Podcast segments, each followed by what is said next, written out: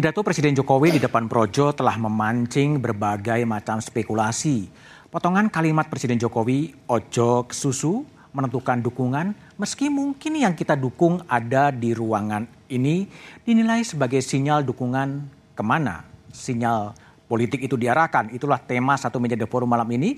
Di studio telah hadir sejumlah narasumber dari ujung sebelah kanan ada Mas Arief Wibowo dari Wakil Sekjen PDI Perjuangan. Malam, Mas Arief. Selamat malam. Kemudian di sebelah kanan saya ada Mas Jasilul Fawait, Wakil Ketua Umum Partai Kebangkitan Bangsa. Malam, Mas Jasil. Malam, Mas Budi. Di sebelah kiri saya ada pengamat politik Yunarto Wijaya dan melalui sambungan Zoom ada Ketua Umum Projo Budi Aristiadi. Ya sebelum kita memulai diskusi, kita coba dengar apa sih persis yang disampaikan oleh Presiden Jokowi di acara Projo. Urusan politik ojo ke susu sih. Jangan tergesa-gesa meskipun meskipun mungkin yang kita dukung ada di sini.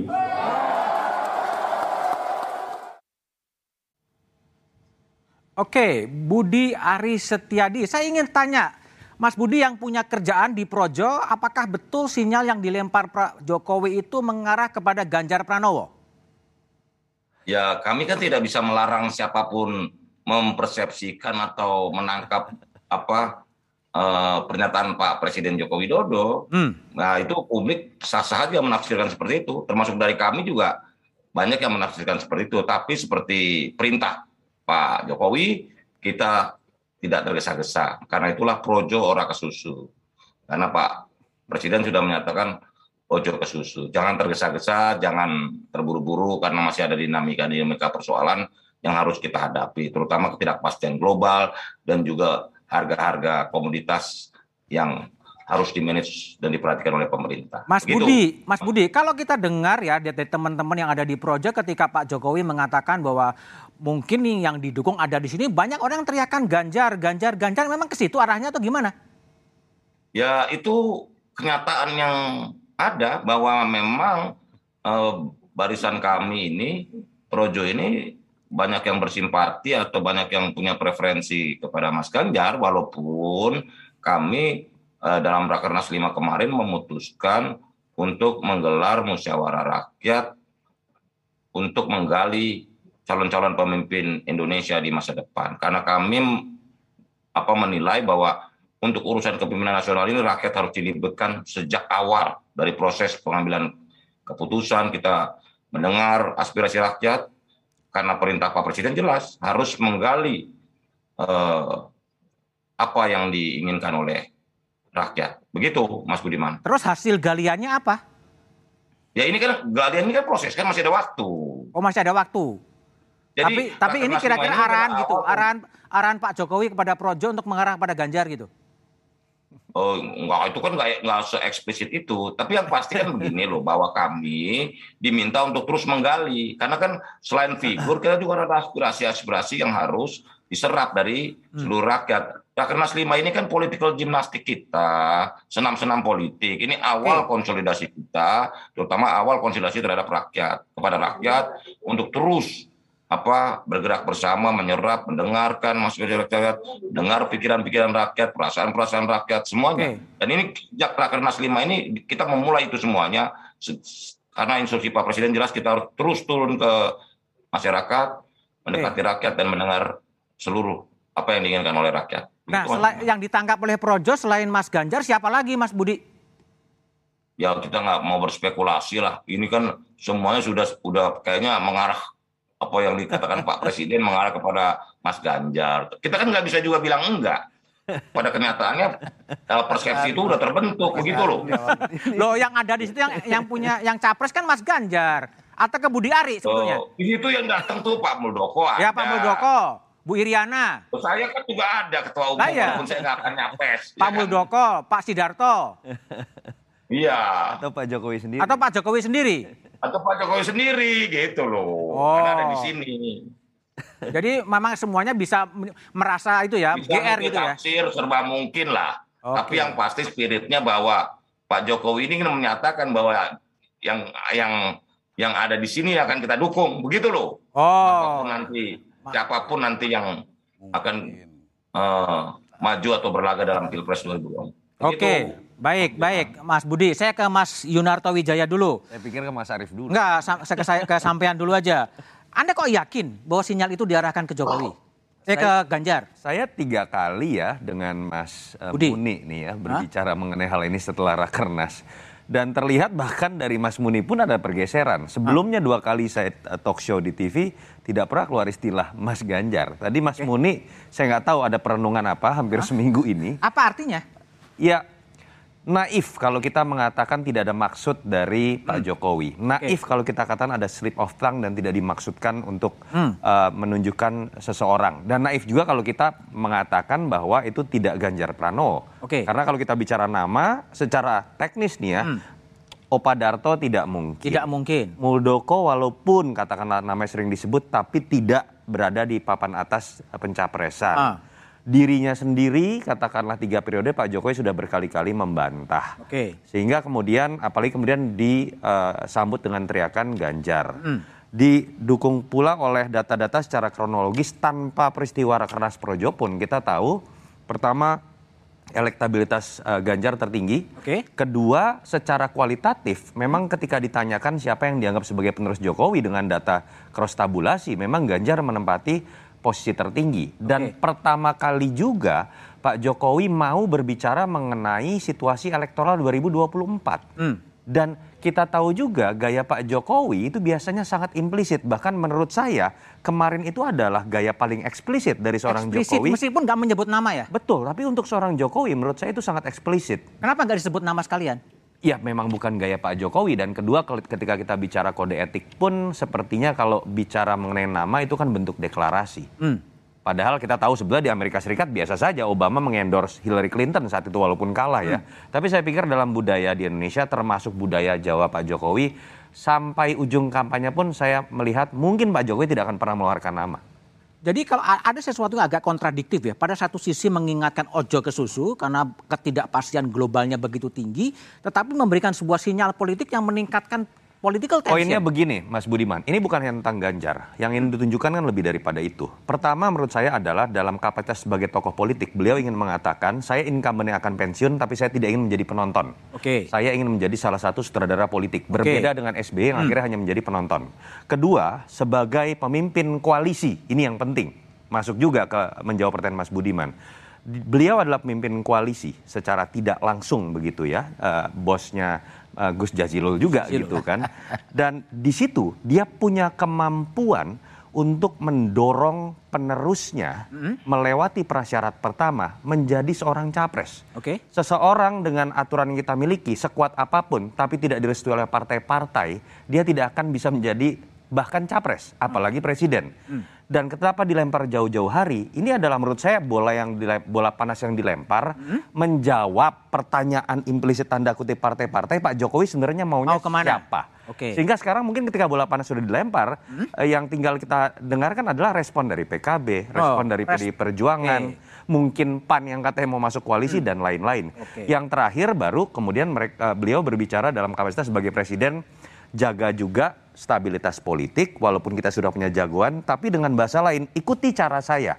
Itu Ojo ditujukan kepada relawan Projo, simpatisan dan mungkin partai-partai juga. Oke, tadi eh, Toto mengatakan nunggu PKB gitu. Ini setelah ada sinyal nggak tahu samar atau enggak gimana Gus Jasil?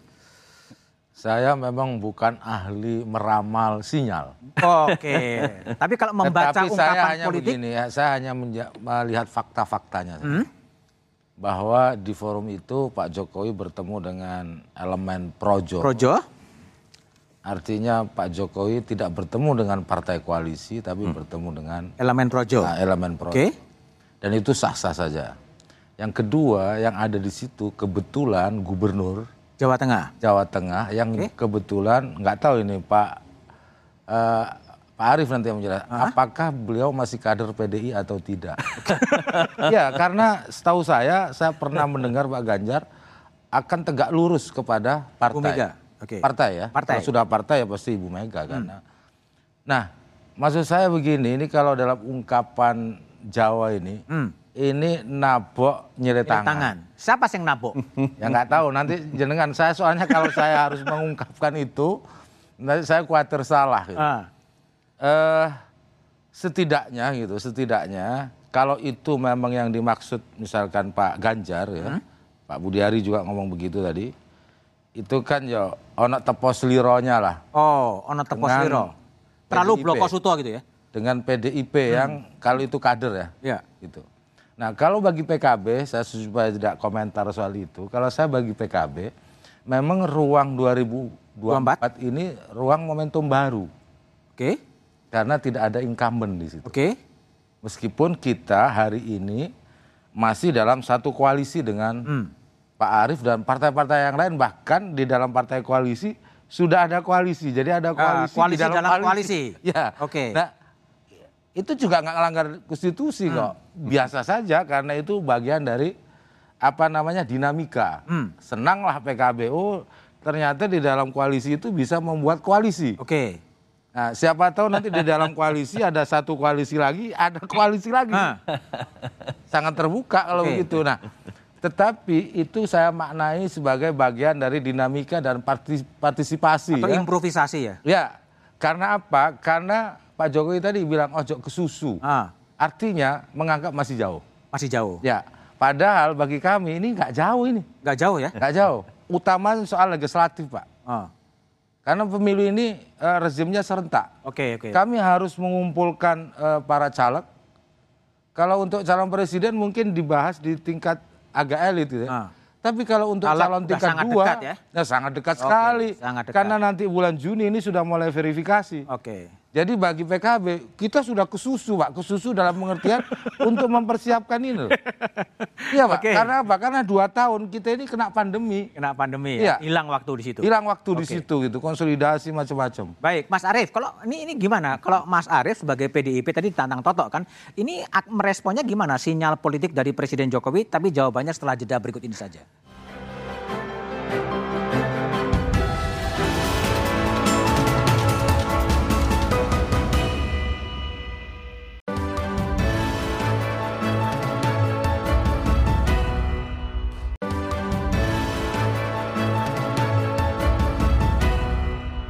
Gus Jasil, jadi preferensi politik Pak Jokowi itu akan bisa berpengaruh pada koalisi pemerintahan Presiden Jokowi yang ada sekarang. Ya, Tentu koalisi ini kan dibangun untuk sampai 2024. Oke. Jadi ya selesai itu ya diulangi lagi pembicaraannya. Gitu. Jadi Akan kalau rekonfigurasi. Ah, ya kalau misalkan eh, untuk 2024 2029 itu berbeda lagi gitu. Hmm. Nah, oleh sebab itu ya saya sepakat ojo ke susu tadi karena memang eh, banyak hal yang harus dibicarakan. Hmm. Nah, apakah nanti gitu, apakah tokoh-tokoh yang sekarang ini yang masuk di radar survei yang dikatakan tinggi elektoralnya dan lain-lain itu, itu memang menjadi harapan. Hmm. Kan kita harus lihat. Jadi gini, dulu ketika Pak Jokowi eh, dari Solo ke Jakarta gitu, seakan-akan ini ada cahaya dari Solo memancar di Jakarta, Hmm. ditangkap oleh Pak Arief kan gitu. Ya, sekarang Jadi kalau sekarang enggak, biasa-biasa. belum ada cahaya, belum ada.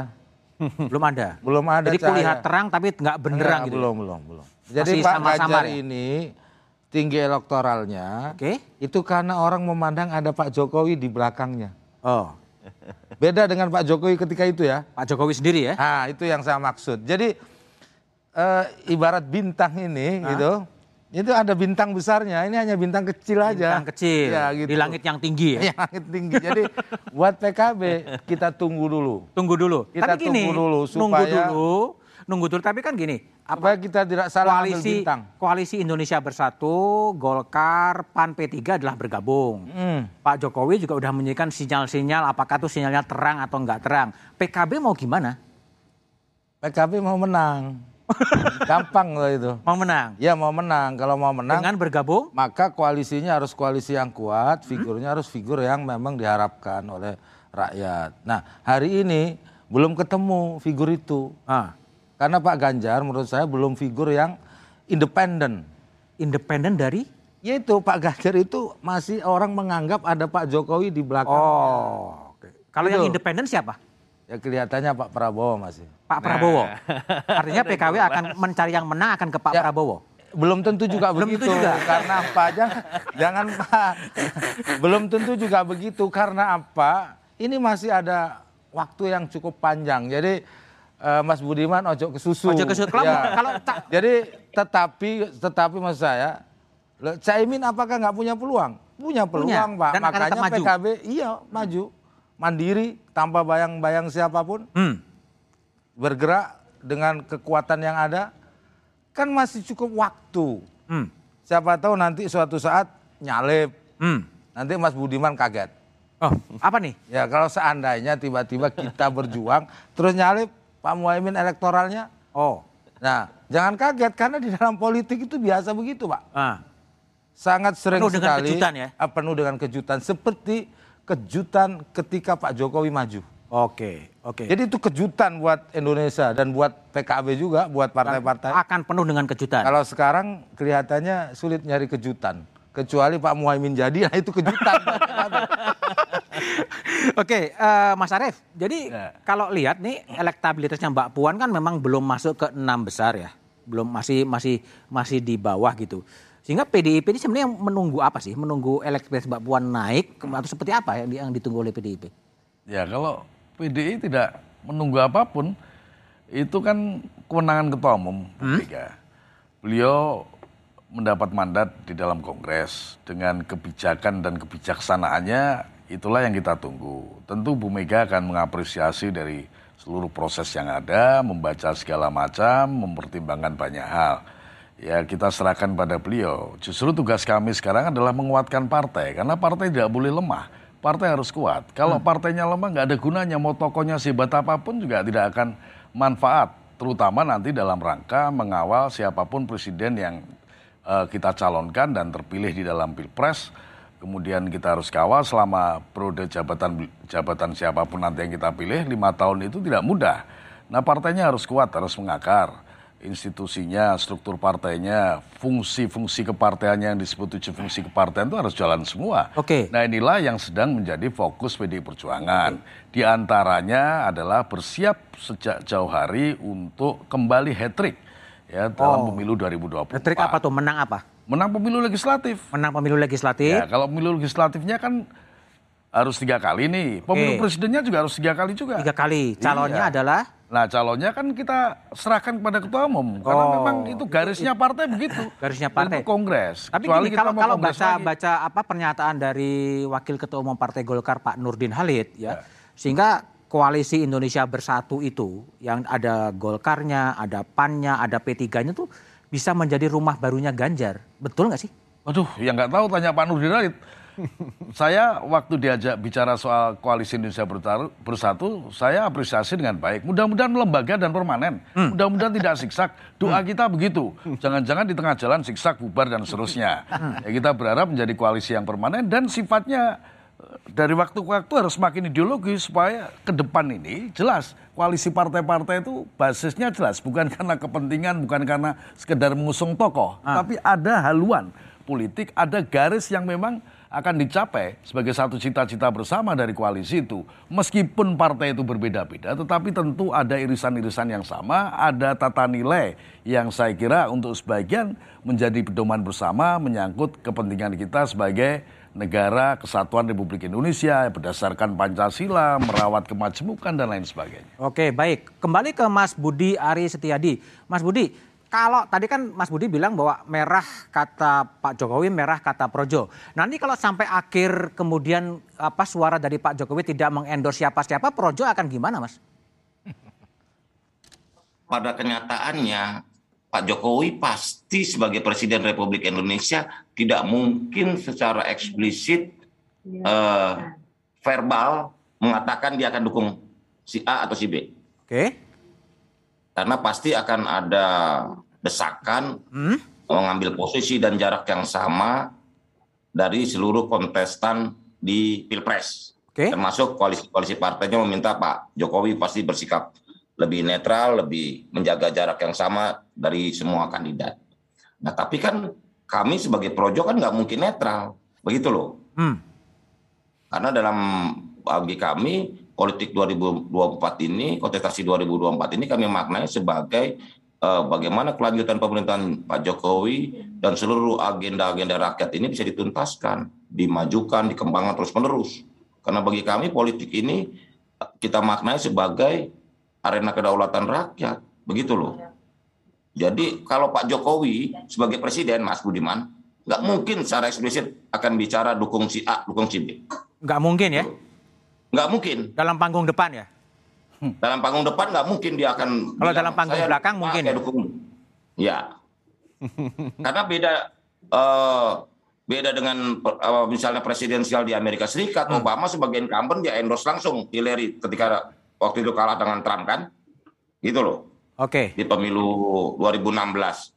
Tapi kan kalau di, di kita Jokowi dengan kembali eh, kondisi multi partai seperti sekarang ini kan nggak mungkin Pak Jokowi akan secara eksplisit mendeklarasikan saya dukung si A, saya dukung si B, nggak mungkin.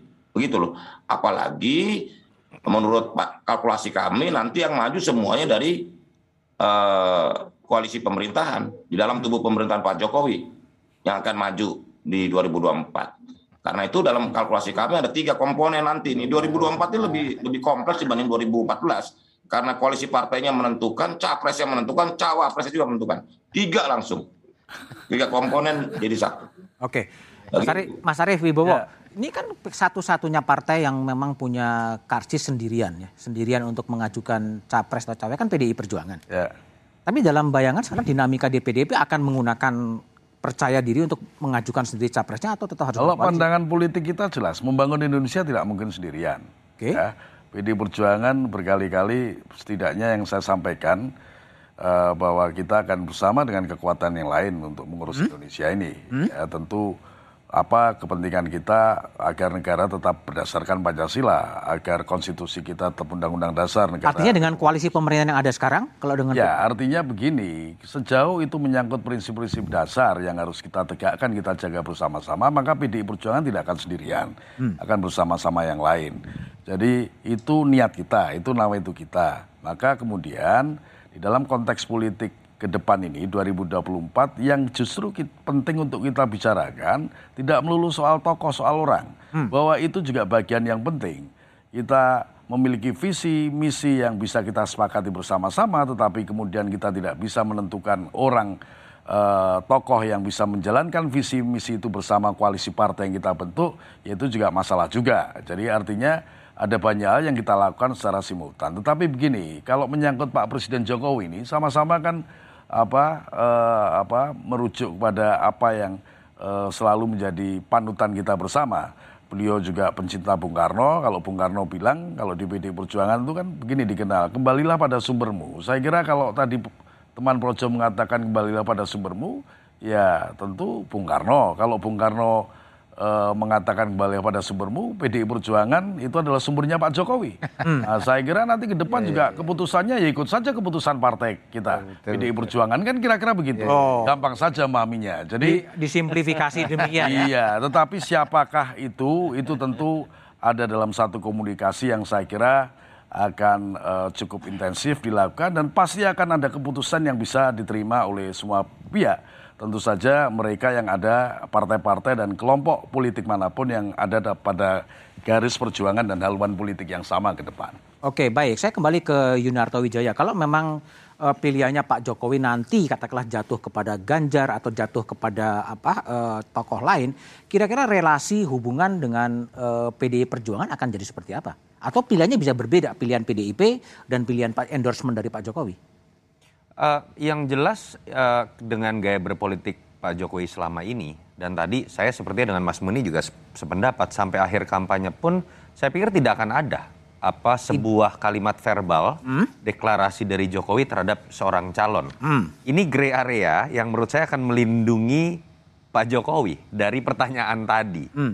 Bahwa di belakang panggung sekarang ada beberapa fakta yang tidak bisa dibantah seperti contoh Apakah kita bisa bantah Pak Jokowi memiliki kedekatan misalnya dengan partai lain? Tidak. Contoh Nasdem dengan Golkar. Dalam acara-acara besarnya kita lihat Pak Jokowi terlihat sangat nyaman ketika berpidato, tanda kutip layaknya Ketua Dewan Pembina. Ini bahasa saya. Ketua ya. Dewan Pembina Bahkan gos ya entah Golkar atau Nasdem. Oke. Termasuk ketika kita bicara Golkar adalah fakta juga gosip-gosip politik berbicara mengenai yang akan menang dalam Munas biasanya adalah yang diberi restu oleh Pak Jokowi. Oke, tapi gini Mas. Toto, se- sejauh mana sih nanti faktor Jokowi itu nanti bisa menentukan wajah calon presiden 2024, tapi jawabannya setelah jeda berikut ini.